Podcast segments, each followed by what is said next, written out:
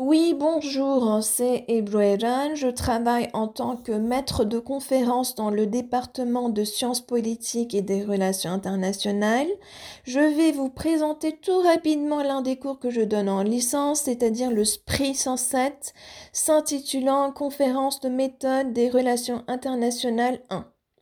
Comme le nom le dit, c'est un séminaire qui est obligatoire et qui est dispensé en première année de licence.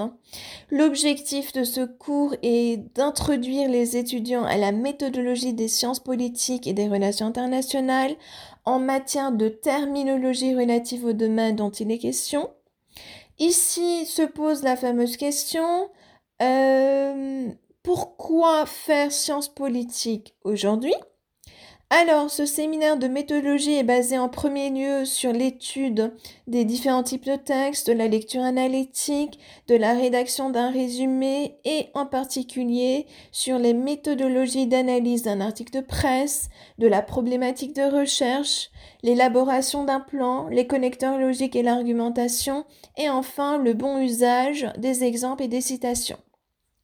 À partir de cette base méthodologique, les étudiants seront amenés à pratiquer les connaissances requises à travers des questions d'actualité sur les sciences politiques et les relations internationales. C'est tout ce que j'ai à dire. Merci et bon courage.